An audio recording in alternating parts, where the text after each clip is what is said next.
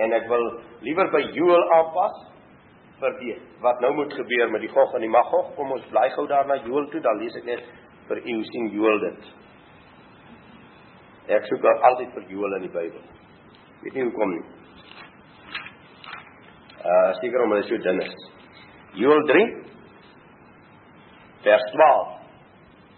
Die nasies moet hulle klaarmaak en optrek na die dal van Josafat, want daar sal ek sit om gerig te hou oor al die nasies rondom.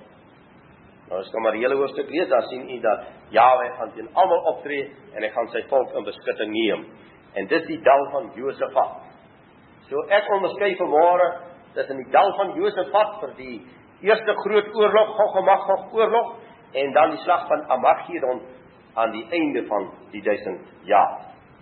En dit is baie duidelik geliefdes as ons vanmôre kyk na die wêreld waarin ons lewe dat hierdie dinge besig is om pragtig tot openbaring te kom. Jy sien dit al meer hoe dat hierdie oosterse blok nasies, hoe dat die heidene nasies teenoor die blanke nasies van die aarde staan. Moet oplet, moet baie mooi oplet. Nou Gog en Magog is die Jafitiese nasies. Jafet sal vir hulle leier wees. En saam met Jafet, Jafet moet onthou daar is nou 3 mos Sem, Ham en Jafet. Sem is die Israelitiese lyn. Jafet en Ham is die ander. En dis hierdie twee wat teen hierdie een sal staan in die Gog en in die Magog oorlog. En daar is duidelike kronologie in die skrif hoe dat hierdie dinge sal gebeur. En nou wil ek net vir u 'n paar groot dinge noem. Weet jy hoeveel tyd het ons nog? Die eerste wat ons moet weet voordat Yeshua sal kom en daarom wil ek vir julle sê mense wat sê hy kom môre, hulle moet 'n bietjie mooi luister wat staan in die Bybel. En of hulle hierdie dinge vir my kan afhandel in 5 jaar, weet ek nie. Wat ek môre gaan noem. Dit is baie duidelik dat die dier sal regeer. Daar is leraars, daar is mense wat glo dit is net 'n mag. Dit is nie 'n persoon nie. Nou ek vir u sê my siening is, dit is 'n mag. Dit is 'n verskriklike wêreldmag van hel en duisternis waarin die duiwel alles doen wat hy wil doen op aarde. Maar in hierdie mag sal 'n persoon na vore tree. Die protokolle van die Jode noem hom hulle groot patriarg. Hulle sê ons sal ons koning staan maak in die wêreld. Wat sal regeer? Openbaring 13 is baie duidelik daaroor.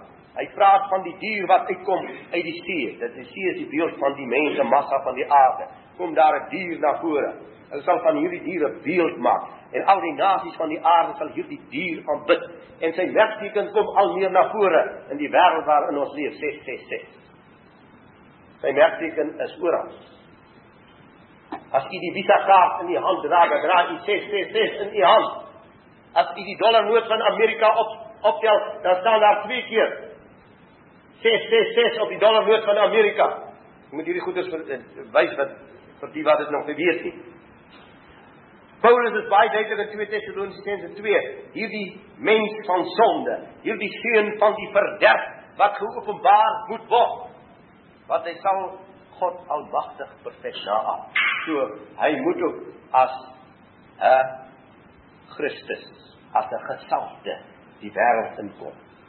En jy moet oplet hoe dat die godsdienste van die aarde almal wag op hulle Christus.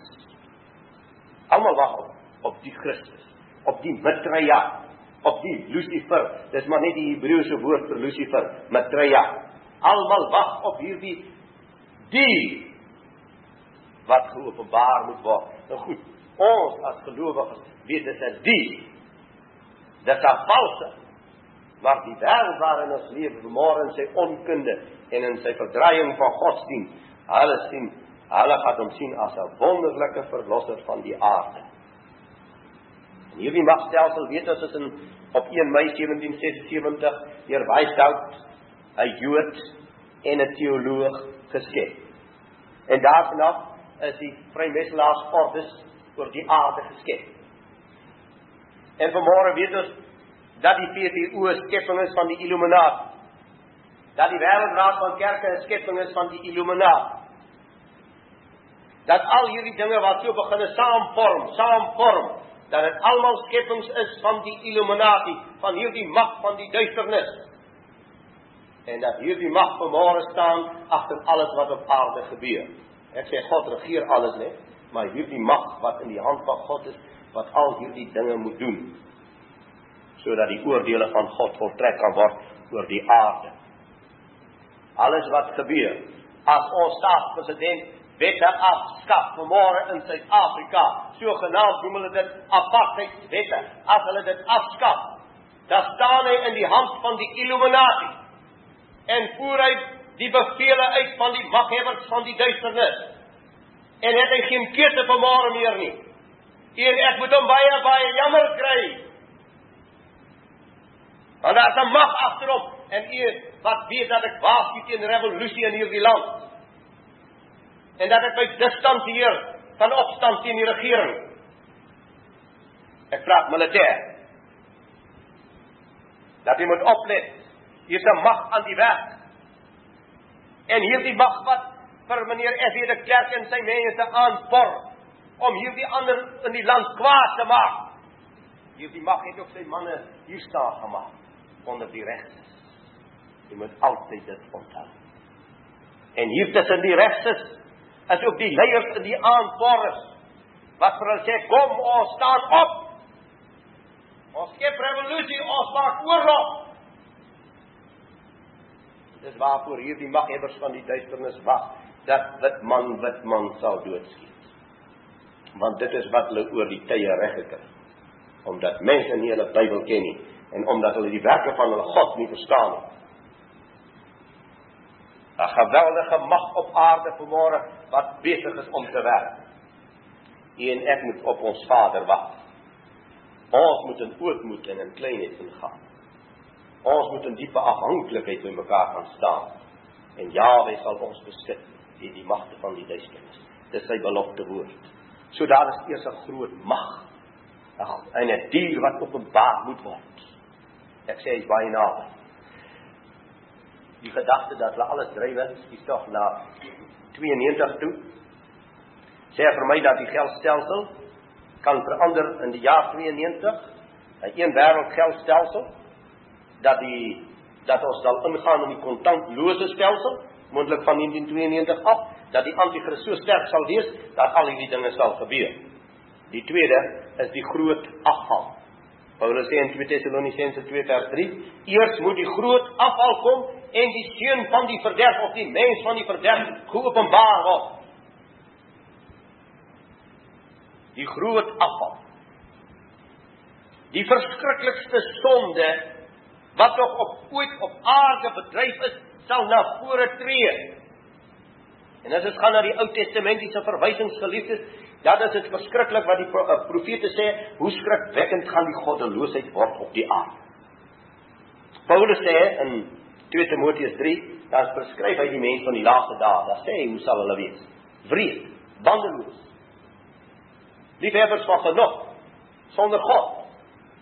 Dit wat hulle van God sal oor hê, sê hy sal net gedaantes van God saligheid wees. Die mens sal sondig word.